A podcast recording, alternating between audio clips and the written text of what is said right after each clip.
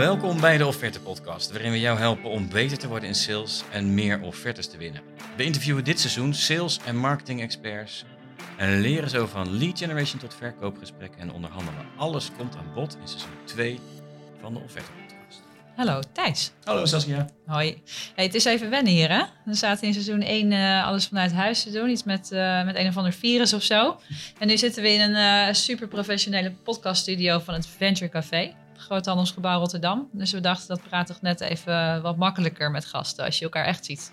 Precies. Dus veel gasten dit seizoen. We gaan zo luisteren naar een interview met Ernst-Jan Buis van de Conversieclub. En we hebben heel wat geleerd, dus Saskia.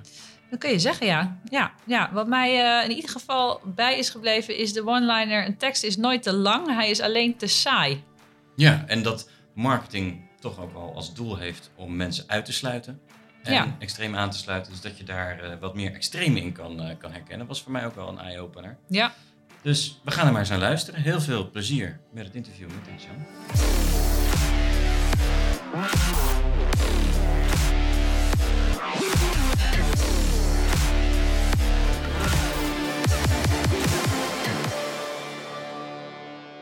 Ik ontmoette onze volgende gast, ik denk al meer dan tien jaar geleden. Rustige gast, keurige student commerciële economie. Een beetje timide durf ik wel te zeggen. En nu zit hij tegenover me. Eén en al spier. en wat geen spier is, is baard.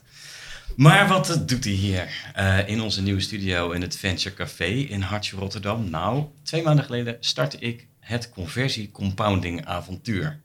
Een mailingserie die ik zou omschrijven als het perfecte midden tussen spam van een gemiddelde Nigeriaanse prins en geniale marketing. Twee maanden en 24 e-mails verder ben ik nog steeds in de war. De e-mails zijn overduidelijk erop gericht om mijn klant te maken. Ze zijn best wel lelijk. Ik bedoel, onderstreepte tekst die geen link is. En bevatten behalve allemaal gifjes, typfouten en de titels. Het onbekende geheim voor 10 keer meer leads en verkopen. Het verhaal achter de trash panda's. Hm. Een Noord-Koreaanse spion? Of nieuwe order nummer 73306? Heel gek. Ik moet het lezen. Ik wil het. Ik moet het hebben. Hoe kan het allemaal? Nou, welkom Ernst-Jan. Thanks, dat is echt een hele coole intro. Hey, kun jij mij vertellen wie Chad is? ja, chat, eh, daar hebben we een e-mail over geschreven. En eh, wij hielden toen een beetje in het midden van wie het is. Maar wij zeiden van het is onze beste verkoper. En eh, dat is onze sales page. En eh, die werkt 24-7 voor ons, is niet verlegen. En eh, die zei ik niet, die doet gewoon zijn werk en die zorgt voor sales. Oké. chat. Ja. de ideale werknemer, zeg ja, eigenlijk wel. Ja. Die je zelf hebt gemaakt. Die je zelf hebt gemaakt. Kijk, dat is wel lekker Ja. schaalbaar. ja, zeker. Ja. Ja, chat, chat is heel schaalbaar. Cool, nou we komen vast nog terug op Chad. Maar even over jou hè.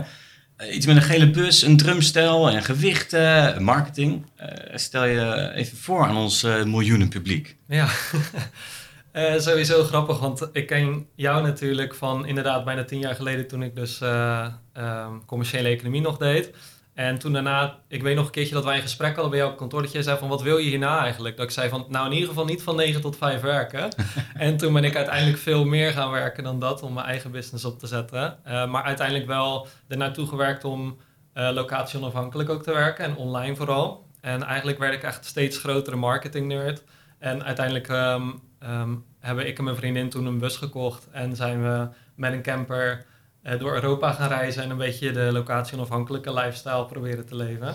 Ja, ja, ja. Ja. En daarnaast inderdaad drummen, sporten. Heel veel dingen die ik leuk vind. Maar vooral eh, ja, marketing nerd by day, zeg maar. Ja, ja, Ja. ja. Zelfverklaarde marketing nerd hebben we. Ja, Dus dat, is, eh, dat is fijn. Daar ben Ja. ik best trots op stiekem hoor. Ja, nee, ja, terecht, terecht. Kijk, mocht je nou zitten luisteren en denken... wat moet ik met een marketing nerd in de offerte podcast? Nou, we hebben deze marketing nerd dus uitgenodigd... omdat wij dachten, misschien kunnen we nog wat leren van marketeers... over hoe we goede conversiegerichte teksten schrijven ehm, in sales.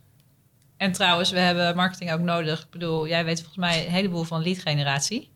Eh, best wel nuttig natuurlijk. Je kan geen offerte maken als er geen lead binnenkomt. Ja, zeker. En het bepaalt natuurlijk ook hoe goed de lead is van wat, alles wat je daarvoor doet. Dus eh, ja, Ah, oké. in Ja. de klantreis is het een, eh, ja, een heel Ja. belangrijke fase natuurlijk. Dus zeg jij dan eigenlijk van, dus voor de kwalificatie, zeg maar, je hebt meer gekwalificeerde, goede, hoe noem je dat? Leads op het moment dat je dit goed op de rit hebt.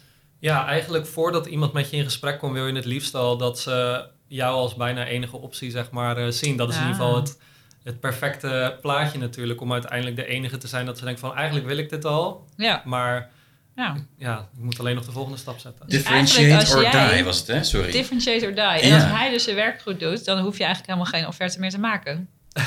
In Dat zou helemaal top zijn. Ja. in een perfecte wereld wel. Ja, Ja, nou in ieder geval dat, dat je daarnaast niet naast honderd andere offertes zou liggen. Dat zou Ja. al een heel wat zijn. En dat ze in ieder geval jou al een beetje een soort van voorrang geven. Dat is natuurlijk wel een scenario wat best wel eh, haalbaar denk ik is Ja. als je dat goed doet. oké. Ja, want je noemt dat in die mailflow ook eh, letterlijk, hè? Differentiate or die. Ja, Hoe gaat dat in zijn werk?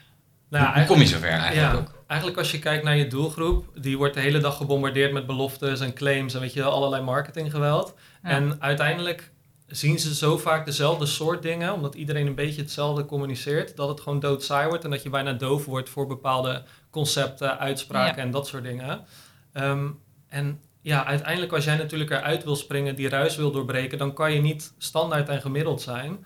Dus je moet zorgen dat jij eruit springt op jouw manier, anders ga je gewoon op in de grijze massa. En dan lig je dus altijd inderdaad ter vergelijking tussen 100. En Ja. jij bent gewoon een van de namen op de stapel, zeg maar. Ja. Ja. Ja, en in die mailflow hou je een hele bijzondere manier er eigenlijk op na. En dat is denk ik ook wel misschien in, eh, wat je met, eh, aan klanten adviseert. Om op een bepaalde manier te communiceren. En daar probeer ik ook vandaag een beetje de vinger achter te krijgen van... Hoe dan? Want wat ik zei, het zit ergens tussen die Nigeriaanse prins eh, en, en geniale marketing in. Je, aan de ene kant denk je oh, ik word er helemaal getrokken. En aan de andere kant denk je, oh, wat is dat lekker. Ehm, en als ik het ook goed eh, begrijp, eh, is het natuurlijk een kwestie van aan de ene kant de kunst van het schrijven van teksten en het opbouwen van spanningsbogen, maar ook een beetje de wetenschap die erachter zit om mensen ehm, te overtuigen. En eigenlijk ook gewoon gebruik te maken van, van, nou ja, van, van, eh, van knopjes in, in iemands hoofd om, om dingen te doen. Kun je daar wat meer over vertellen hoe je daarmee te werk gaat? Ja, dat Ja. denk ik. Als we het nou over knopjes in iemands hoofd gaan hebben. Ja, dat vind ik super interessant. ja, dat zit helemaal in de neurohoek. Ja, Nou, ik hoe zeg werkt altijd dat? van het is een beetje de art en de science samen. En dat vind ik er denk ik ook leuk aan. Eh, het is een, aan de ene kant heel creatief. Want uiteindelijk moet je dus gaan kijken naar eh, de complete markt. Dus wat weet jouw doelgroep? Wat voor overtuiging hebben ze? Al dat soort dingen. Hoe kijken ze naar jouw markt? En dan Mhm. ook naar je concurrenten. Van ja, maar wat zijn zij nou eigenlijk de hele tijd dan aan het, aan het zeggen? En een van de dingen waarom wij dus eigenlijk zo plat en informeel en heel recht door zee zijn, is vooral omdat heel veel anderen in onze markt dat niet doen.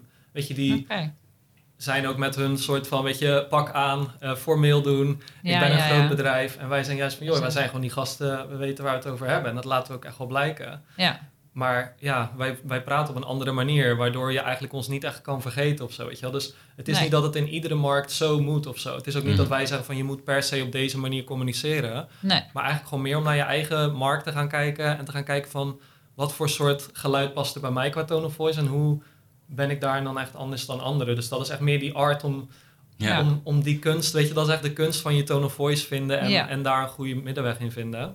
Ja, en ook Ehm. dus authentiek zijn als ik jou zo hoor. Van het moet, het moet bij je passen en het, en het moet eh, ja, een beetje, wel een beetje eh, onderscheidend zijn ten opzichte van wat anderen doen. Dus Ja, zeker. Ja. en wij doen ook altijd een oefening bij ons in de club. Ehm, dat noemen we dan de blacklist oefening. En dat is Mhm. eigenlijk dat je naar al je concurrenten gaat kijken en Mhm. dingen gaat opschrijven die je overal ziet en die niet meer boeiend soort van zijn voor jouw Die zijn op de doelgroep. blacklist, alle En- top 5 lijstjes. En, eh, Ja, maar ook bijvoorbeeld, wij hadden, toen wij de conversieclub startten, toen dachten wij ook van, we gaan nooit de belofte gebruiken, een continue stroom aan warme leads. Dat vonden wij echt zo erg, omdat dat bij ons in de markt ja, door iedereen gedaan wordt. Ja. En dan vervolgens komt dat creatieve stukje van, oké, dat mag ik niet meer zeggen. Ja. Hoe ga ik het dan zeggen? Hoe ga ik het dan zo? zeggen? Ja, Ja. en dan, Ja. dat is een beetje dat, eh, dat gedeelte. Ja. En ik weet nog, toen ik net mijn eigen e-maillijstje begon, er waren 50 mensen. En daar heb ik nog steeds medelijden mee. met dat je die allemaal eh gespend hebt met eh, echt content. je- ja. ja, want je moet echt je, je stem vinden, zeg maar. En ik dacht toen nog van, oh, ik moet een beetje formeel zijn, tips delen, al dat soort dingen. Ja, en daar kwam natuurlijk niks uit. Dus het is ook echt een lange, pijnlijke weg geweest om die stem te vinden. Ja. Ja. Ja, want uiteindelijk is copywriting en het resoneren met je, met je publiek, dat is eigenlijk wat je zoekt. Hè? Waar, Ja. Wanneer gaat dat resoneren? Mm. En ik heb dat ook ervaren echt als pure magie als dat dan lukt. Dat je op een gegeven moment denkt van wow, ja, dat is inderdaad precies eigenlijk de doelgroep die ik zoek. En als dat gebeurt, dan krijg je het gewoon de hele tijd overal van terug, omdat dat Ja. kennelijk resoneert. Eh, ehm, En dat is, eigenlijk het, dat is eigenlijk jouw vakgebied dan eigenlijk. Want ik heb, ik heb het ook wel eens, het is ook, het is ook wel eens gelukt, maar dat is bijna toevallig. En ik denk van, Ja. wow, Nou, wat gebeurt hier? Weet je? Dat Ja. wilde ik net vragen. Is dat te leren of is dat dan toeval? Dat je denkt van, oh nou, ik heb, eh, nu heb ik hem. Nee, dat is zeker wel te leren hoor. Want uiteindelijk ehm, is het natuurlijk de bepaalde tone of voice bepaalt ook hoe je, je, hoe je het ervaart, soort van. Maar heel veel mensen kunnen leuk schrijven zoals dat het in een magazine zou komen of wat dan ook. Maar het is Ja. juist die combinatie met de converterende ehm, Ja. principes, zeg maar. Dus- En dat is meer de science van er zitten allerlei dingen achter, weet je wel. Mm. ehm, die ervoor zorgen dat, eh, dat het ook echt nog werkt. Want iedereen kan gewoon leuk een informeel praatje houden. Om ervoor te zorgen dat ze aan het einde van de rit wel overtuigd zijn. Ja. Daar zitten gewoon heel veel copywriting dingen in. En, Ja. Ja. Dus ik Ja. bedoel, jullie leiden geen mensen op om, eh, om redacteur te worden bij de Linda. eh, Nee. Maar wel echt om conversiegericht bezig te zijn en iets te verkopen Echt twee uiteindelijk. totaal verschillende dingen. Ja. ja Ja, zeker. snap ik. Die, die, die tone of voice vinden, dat zit hem denk ik door de hele funnel heen. Hè? Dat begint dan misschien met je social media uitingen en de manier waarop je dat formuleert. eh, dan op een gegeven moment eventueel een mailflow of op welke uiting je ook tegenkomt. Maar op een gegeven moment kom je natuurlijk wat verder in de funnel. Mhm. Een beetje in ons gebied terecht, hè? Ja. In, de, in de offertes.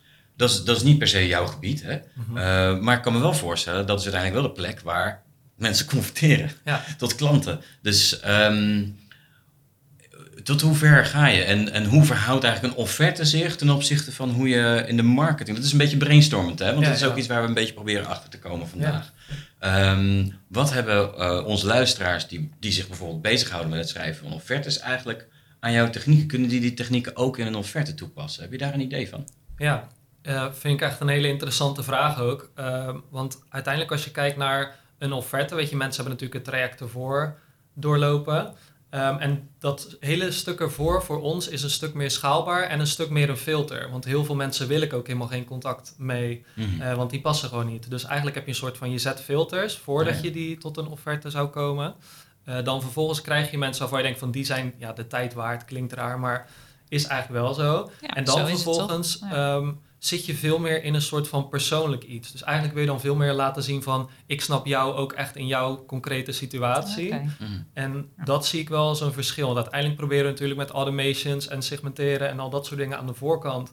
om ehm, de hele reis zo relevant mogelijk te maken. Mhm. Maar de kracht in het stukje daarna... is dat je wel dus echt de tijd erin stopt om het echt super persoonlijk op iemands situatie te maken. En ik denk dat dat een groot verschil is. Want op, op schaal kan dat natuurlijk niet. Nee. Ja, ja, Ehm, ja. dus Nee. vandaar dat je je voorkant zet je als een heel strak filter neer. Waardoor je de juiste mensen krijgt waarvan je weet van hier mag ik wat meer tijd aan besteden. ja, ja, Ja. ja. En ja, dan hou je die groep over. En dan moet je dat dus ook wel echt laten zien, zeg maar. Dan Ja. kan je niet met de standaard teksten komen Nee, die nee. op iedereen van toepassing zouden kunnen zijn. Ah ja, dus Ja. je, je bent eigenlijk bezig met die mailflow niet alleen maar om te resoneren, maar ook om ervoor te zorgen dat waar je niet meer resoneert, dat je die vooral... die. Eigenlijk is, het, ja, eigenlijk is het kiezen door niet in het gemiddelde te zitten, maar te kiezen voor een iets extremere Mhm. kant. eh, ga je mensen heel erg aantrekken of heel erg afstoten. Weet je, het is plus of min en je kan eigenlijk niet ertussenin ertussenin zitten. Nee. Ja, En ja. dat wil je juist, want uiteindelijk wil je dus een groep leads overhouden, waarmee als je de telefoon oppakt, en dat heb ik echt sinds dat ik het op die manier ben gaan bekijken, dat je de telefoon oppakt en dat mensen je gewoon aanspreken alsof je elkaar al jaren kent. En Ja. dat je denkt van onze humor die, die combineert zelfs, Ja. eh, de manier waarop jij er nu naar kijkt, die, weet je, mijn aanpak, mijn stijl van leren, alles matcht gewoon. Ja, nou na Door- 24 mailtjes in twee maanden kan ik me Dus dat daar is potdorie helemaal, voorstellen. ik ben helemaal gebrainwashed van.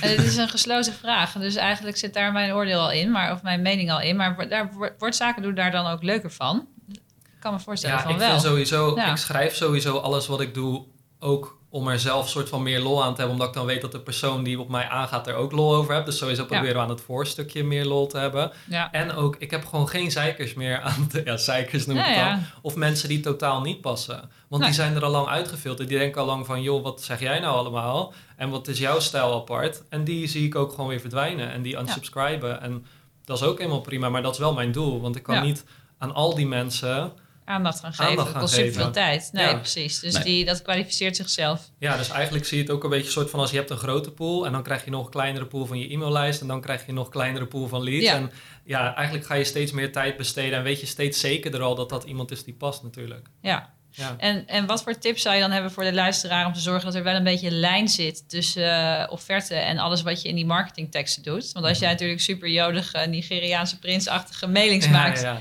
en vervolgens een of andere wollige offerte erachteraan, dan, komt er, dan gaat het mis, denk ik toch? Ja, zeker. En dat is ook denk ik waar dat stukje, want dat gedeelte van tone of voice is niet te leren als in ik wil jou niet mijn stijl leren, maar jij moet Nee. eigenlijk je eigen stijl vinden die voor jou heel natuurlijk voelt en waarmee je ook dus je beste klant aantrekt. Ja. En ik zie heel veel ondernemers en die ehm, eh, en ook gewoon andere mensen bij bedrijven die proberen zich heel erg in te houden en eigenlijk verstoppen ze een soort van hun ware zelf Ja, in hun marketing. En dan werkt het vaak ook juist andersom. Van, je doet heel zakelijk aan de voorkant. Je krijgt iemand aan de telefoon en ze Ja. zien jou opeens als de echte persoon, soort van die helemaal niet zo formeel is en die gewoon anders is. En dan kan het Ja. ook juist die kant op werken. Dus uiteindelijk is het gewoon ja, een soort van congruent zijn en ook aan jezelf zijn door Ja. die hele klantreis. En dat moet eigenlijk echt gezien worden, wat mij betreft, als de complete reis. Dus wij nemen daar ook gewoon inderdaad het leadstukje wel in mee. Want het moet eigenlijk allemaal naadloos aanvoelen. Anders ga je precies. Ja, anders ga je gewoon kloven krijgen waar mensen soort van door de, Ja, ja, in de cracks soort van verdwijnen. Want die denken van, oh, maar dit klopt helemaal niet met mijn ervaring. nee, was hartstikke leuk. Allemaal hartstikke leuke mailtjes. Misschien hebben ze je aan de Ja. telefoon gehad, dachten ze een leuk gesprek en dan krijg je de offerte en dan... eh, or, or, or. Ja, wij hebben dat nu Ja. bijvoorbeeld Ja. wel eens, omdat wij eerst zelf nog de calls deden. Dat het dan, dan klopt het met de stem, weet je wel. ja, Maar nu hebben wij dan iemand die onze sales doet. Dus vanaf de call is het iemand anders. Nou, dan moet je heel voorzichtig zijn. Of dat je dan nog steeds de juiste vibe pakt. En of dat die persoon daar dan ook op aangaat, weet je wel. Dus Ja. ja dat is wel echt eh, Ja. een volgende soort van eh Ja, je ziet het wel vaker ook. In, denk ik, eh, als je met meerdere mensen in een team offertes schrijft. Hè, dan, heb je ook, dan, is, het- dan is het best wel moeilijk om een consistente toon te maken. Ja. Dus je zou eigenlijk een soort van stijlgids moeten maken voor, voor copywriting binnen een organisatie. En dat Ja. moet dan eigenlijk ook praten met de marketingafdeling. Ja. Als je het even in een wat grotere organisatie zou Nou, zien. Hè? precies. Dat is, wel, en dat is inderdaad de vraag waar ik ook net mee zat. Hè? Want je praat nu nog in de jij-vorm. Van nou, dan moet jij dit en jij dat. Maar ik kan me ook voorstellen dat er nu iemand luistert van, eh, die sales doet bij eh corporate bedrijf eh, nummer X eh, op de Zuidas of weet ik veel waar. Ja, ja. Die denkt van ja, ik heb daar helemaal geen bal over te zeggen. Dat hebben ze ergens, eh, ergens inderdaad in het huisstijlhandboek is vastgelegd. En in de template staat hoe we dit moeten doen. Ja. Eh, dus waar zouden zij dan morgen kunnen beginnen om toch een klein verschilletje te maken in die eigen offertes die zij schrijven, bijvoorbeeld? Ik denk sowieso dat je dan wel weer terugkomt. Want kijk, uiteindelijk denk ik dat er in een soort van de corporate wereld... dat een van Mm. de grootste marketingkansen echt is om heel menselijk te, te communiceren. Dat gebeurt eigenlijk nog veel te weinig. Het is nog allemaal wat te formeel, vind ik. En ik denk daarom juist dat het heel leuk is, want aan onze kant, soort van van de markt, zeg maar, waarbij Mm. het echt de kleinere partijen zijn, die doen dat al een stuk meer. Ja, Eh, dus ik denk dat ze daar wel heel veel kunnen leren van tone of voice. Maar dan moet je natuurlijk wel als bedrijf besluiten dat dat kan, want anders Ja. word je natuurlijk teruggefloten. Ja. Eh, dus ik denk dat het dan heel erg aankomt op waar ik net ook eh, eigenlijk al een beetje op aanhaakte, het persoonlijke stukje van wel laten zien dat de ander echt gezien wordt en dus ook gewoon heel specifiek je, ehm, je offerte schrijven. Dus echt laten zien van Ja.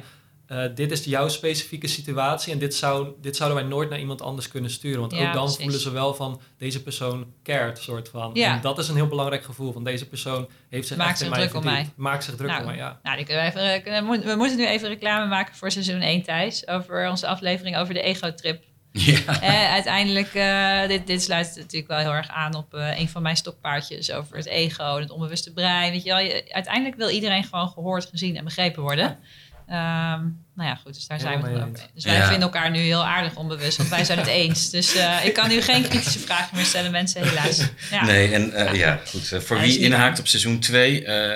ja, seizoen 1 was, eh, hadden we natuurlijk eh, negen prachtige afleveringen waarin al dit soort dingen te sprake komen. Ja. Eh, en en ehm, er zitten best wel wat principes ook die nu al daarin terugkomen, denk ik. Wat leuk is ook zo om terug te, om terug Ja. te horen. Ehm, hey, ik, ehm, ik ben even benieuwd, hè, want we hebben het de hele tijd over teksten, maar het gaat natuurlijk over presentatie in zijn geheel. Mhm. En eh, wat ik ook al net zei van wauw, er zitten gewoon onderstreepte teksten. En het is helemaal geen linkje. Ik word er helemaal autistisch van. Maar eh, het, het maakt het wel heel erg eigen. Je wordt er niet autistisch van, dat was je al. Het komt alleen naar boven. Maar hij krijgt er last van. Hij krijgt er, je Ik, triggert eh, iets. Mijn autisme speelt dan wat meer Ja. op, laat het zeggen. Ja. Ehm, nee, leuk. Ehm, eh, gezellig hier. Maar Ja, ook in presentatie kun je daar misschien wel wat mee, hè, dat resoneren. En eh, eh, de, de manier waarop je teksten schrijft, hè, van, superveel witregels, allemaal korte zinnetjes, heel staccato onder elkaar. Ja, waardoor je ja. toch wat meer door een verhaal gesleept wordt op een of andere manier. Ehm, en dat zie ik niet meteen in een offertevorm terug, maar toch is het wel even leuk om erover te hebben. Hè? Wat doe je met een presentatie? Want je maakt het eigenlijk best wel informeel in die mailflow. Is dat iets wat je zou willen aanbevelen om het, om, om het zo te doen? Om iemand een beetje op het verkeerde been te Dat is een zetten? lange of zo? vraag. Ehm, ik zou het in de Ja, sorry. Ik zou het in de offerte zou ik het niet zo snel doen, omdat je dan natuurlijk wel ja, een bepaald beeld wil geven van we hebben er aandacht aan besteed. Ja. Ehm, Mhm. Bij een e-mail is het juist dat ik het heel erg bekijk als het moet voelen alsof een vriendje e-mailt en dat het Mhm. gewoon even zo snel op papier gezet is. Eh, en ik heb inderdaad heel veel witregels, heel veel afgebroken zinnen om inderdaad iemand door die story te trekken. Ehm, en dat is vooral ook, want jij had ook ergens, had je het over de slippery slide effect gehad, eh, dat jij die tegen was gekomen in mijn mail.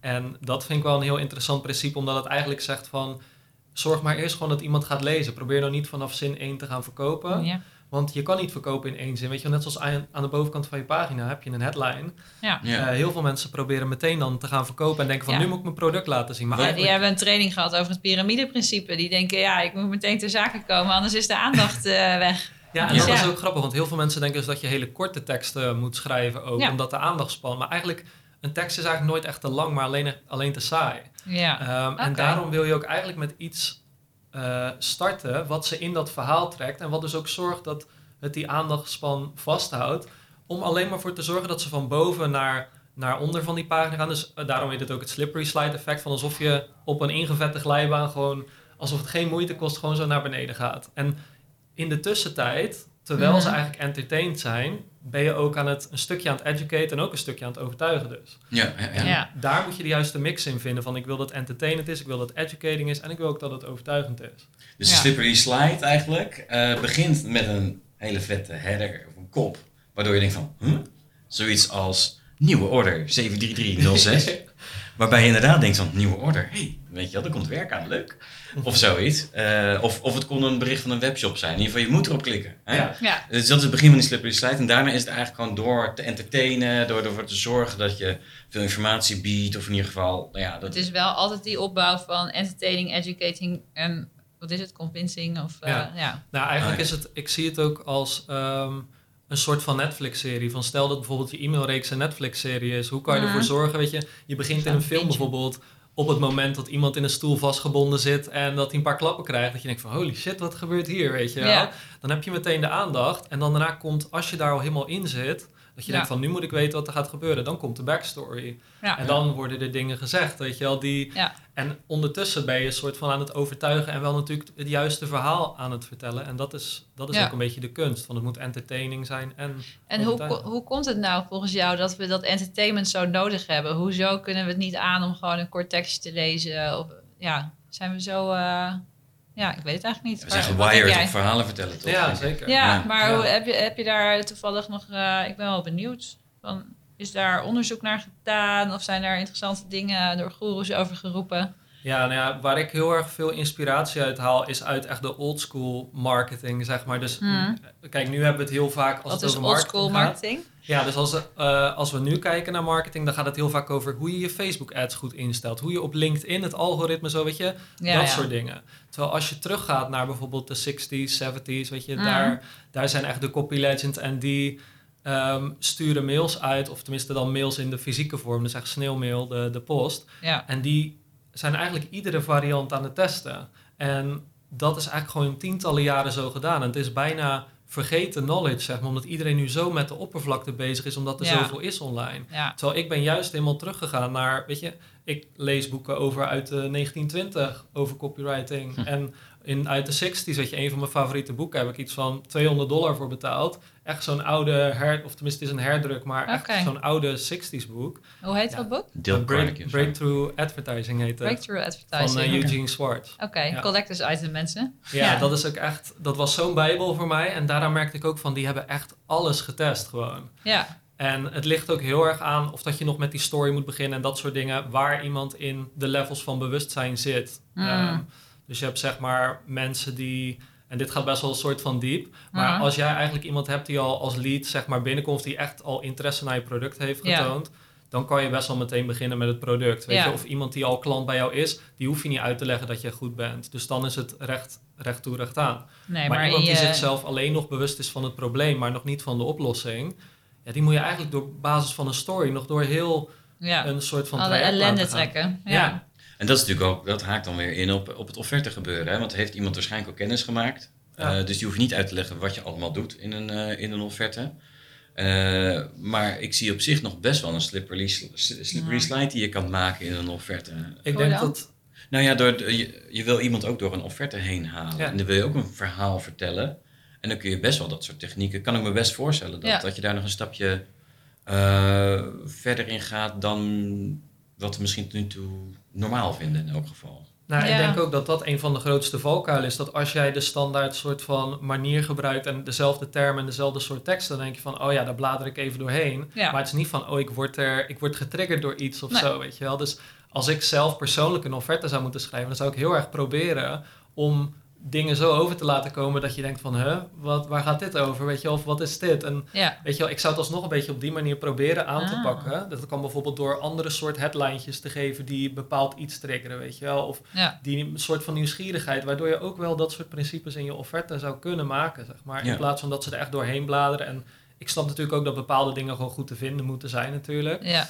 Maar je kan daar wel, ja, je kan er wel iets mee, want anders zijn het Ja. wel, denk ik, een beetje soms dingen die in een, in een la verdwijnen of die niet echt gelezen worden. Die Ja. een beetje alleen maar doorheen gebladerd je worden. Dus je moet er wel, bladert. je moet Ja. wel iets mee, denk ik. Ja.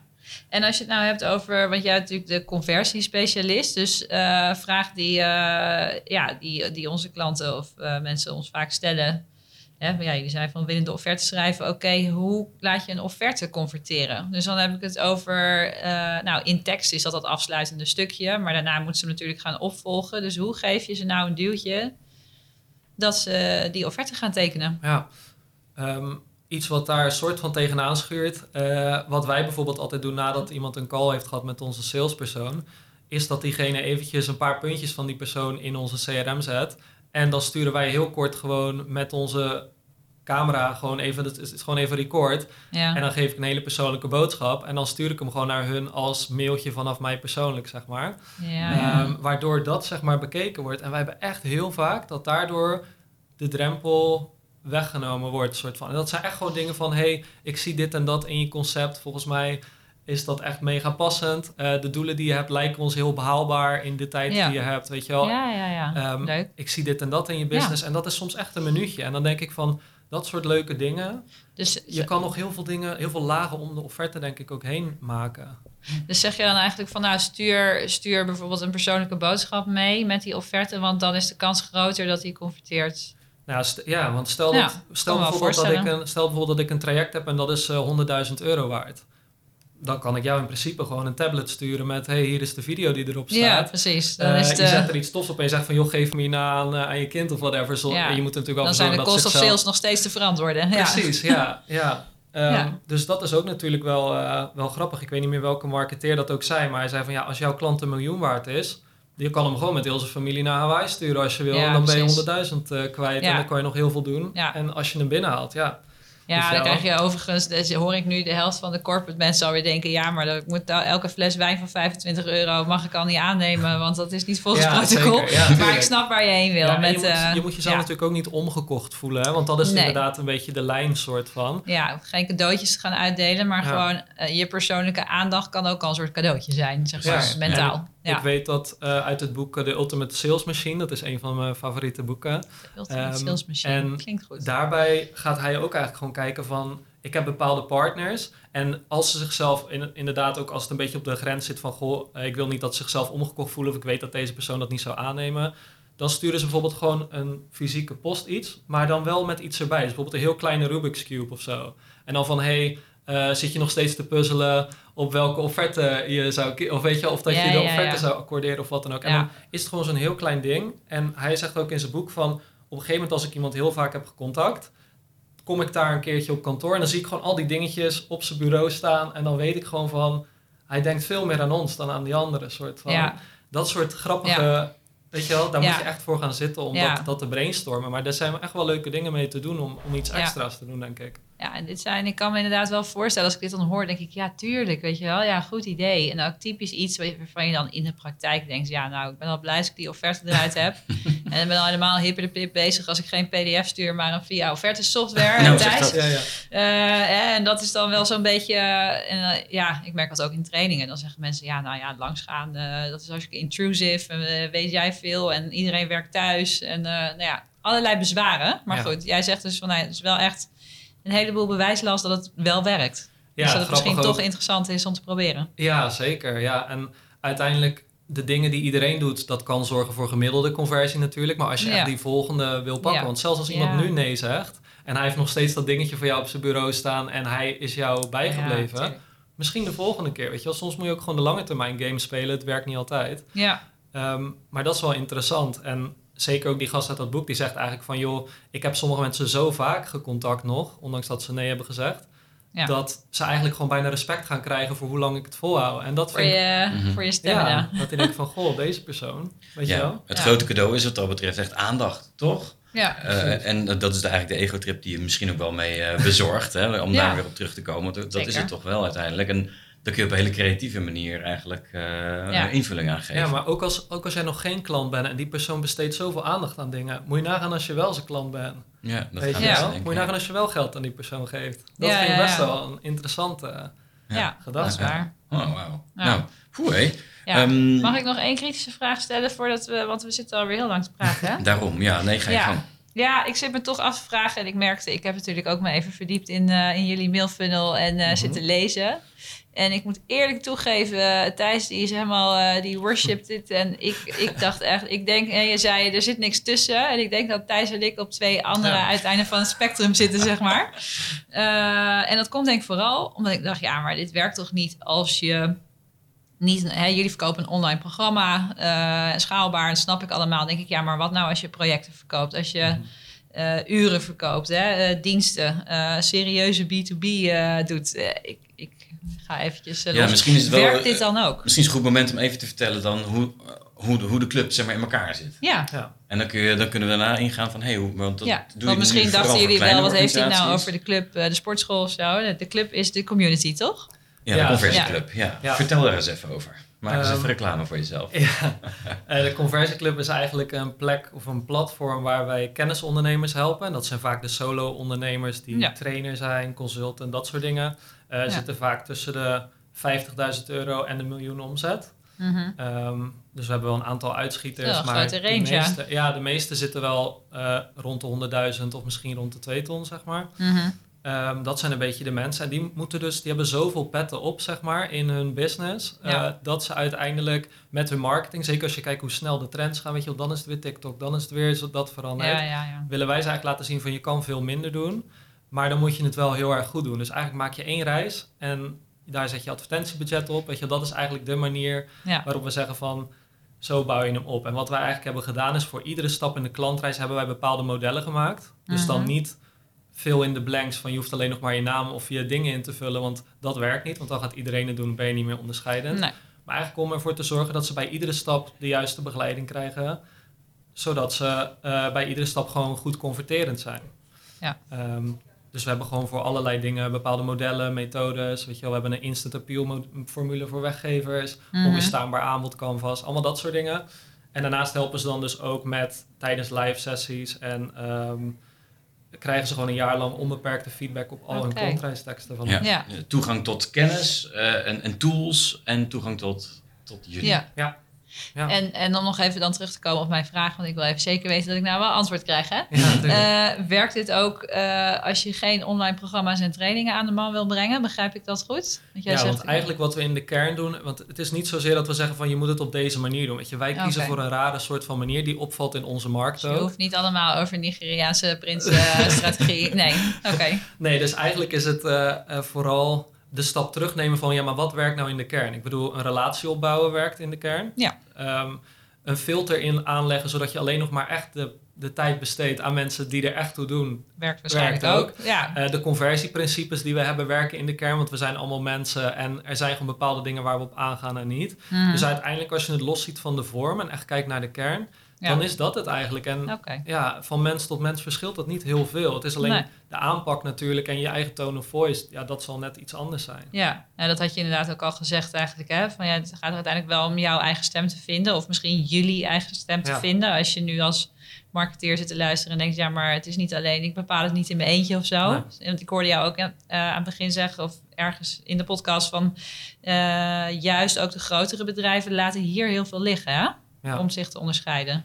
Ja, want wat ik ook wel heel erg leuk vind is dat het vaak, eh, het is best wel een soort van gezichtsloos, het is formeel, het zijn alleen maar, ja. het is heel erg binnen de veilige kaders natuurlijk. ja, want we zijn een serieus bedrijf. Dus Ja, dan kunnen we niet meer zo jolig. eh, Ja. Dat, is- ja. ja. Nou, je moet in een grote organisatie, moeten veel mensen het met elkaar eens worden. Ja. Dat heeft tot gevolg dat je wat meer gaat zitten polderen. En op het En dan kom je vanzelf in de ruis terecht in plaats van dat contrastrijke love it or hate it. Ja. Eh, Maar ook zeg maar dat iedereen in de organisatie zichzelf een beetje verstopt om de marketing echt als uit te dragen, weet je wel, als, eh, weet je, ik ga een video opnemen of weet je, ik word de persoon die vlogt voor ons bedrijf of weet je, dat soort dingen. Er zijn zo ontzettend veel mogelijkheden als je het een stap, maar ja, die- daar moet je natuurlijk de soort van permissie voor krijgen hè, van je bedrijf Mm. die moeten daar ruimdenkend genoeg in zijn. Maar ja, je kan allemaal dat soort dingen doen die wel echt een connectie maken en die echt een relatie opbouwen. ja. En of dat, dat dan iedereen uit het bedrijf is of bepaalde mensen uit het bedrijf of wat dan ook.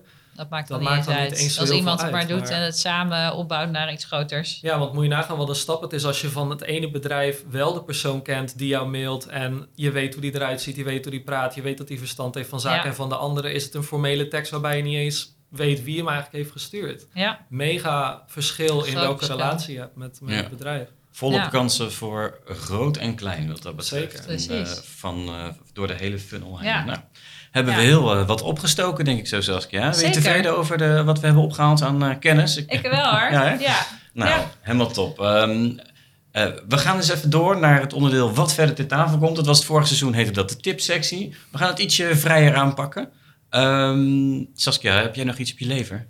Nee, want ik had vooral die op mijn lever dat ik dacht, jongens, dit kan toch niet, dit kan toch niet. Voor serieuze bedrijven kan dit niet. Maar ja, die heb ik al gespuit. Dus eh, ik hou me verder koest. Ja. Wat ik daar trouwens wel leuk aan vind, want Thijs vond hem wel, eh, weet je, die, die sloeg erop aan, jij Ja. niet. Maar ik denk ook dat als ik zo kijk naar hoe jullie je business runnen, dat Ja. ik eerder bij Thijs ook om tafel zou zitten dan bij jou. Ja, Ehm, ook grappig. gewoon, we hebben natuurlijk voor dit gesprek al een aantal gesprekken gehad over je business, hoe je je marketing doet en ook een aantal overtuigingen die je daarover hebt. ja, En ik denk ook eerlijk gezegd dat jij gewoon sneller een soort van af zou vallen, dat het iets minder. ja. eh, Dus ik zou nooit door jullie voordeur komen. Ik Nee, zou niet nou door jullie ballotage komen. Met onze, met onze funnel zou het eigenlijk wel dan zo zijn dat ik denk van, nou op zich werkt hij dan, eh, werkt Beter dan voor mij wel. Ja, Hij Het is resoneert als een gek, interessant, joh. ja. fair Maar enough, dus- fair enough. Ja, je kan er dus inderdaad bijna geen mening, geen mening Nee. over hebben. En dat is een nee, beetje... precies. Dat is de maar bedoeling. ik moet wel eerlijk zeggen, hè, want ik vind het echt super interessant. Hè? Begrijp me niet verkeerd. Dus ik, maar ik eh, durf nooit meer mijn nieuwsbrief te sturen zoals ik hem nu stuur. Ik ga me dus, er eh, zo op inschrijven. eh, ja, nou, doe maar niet.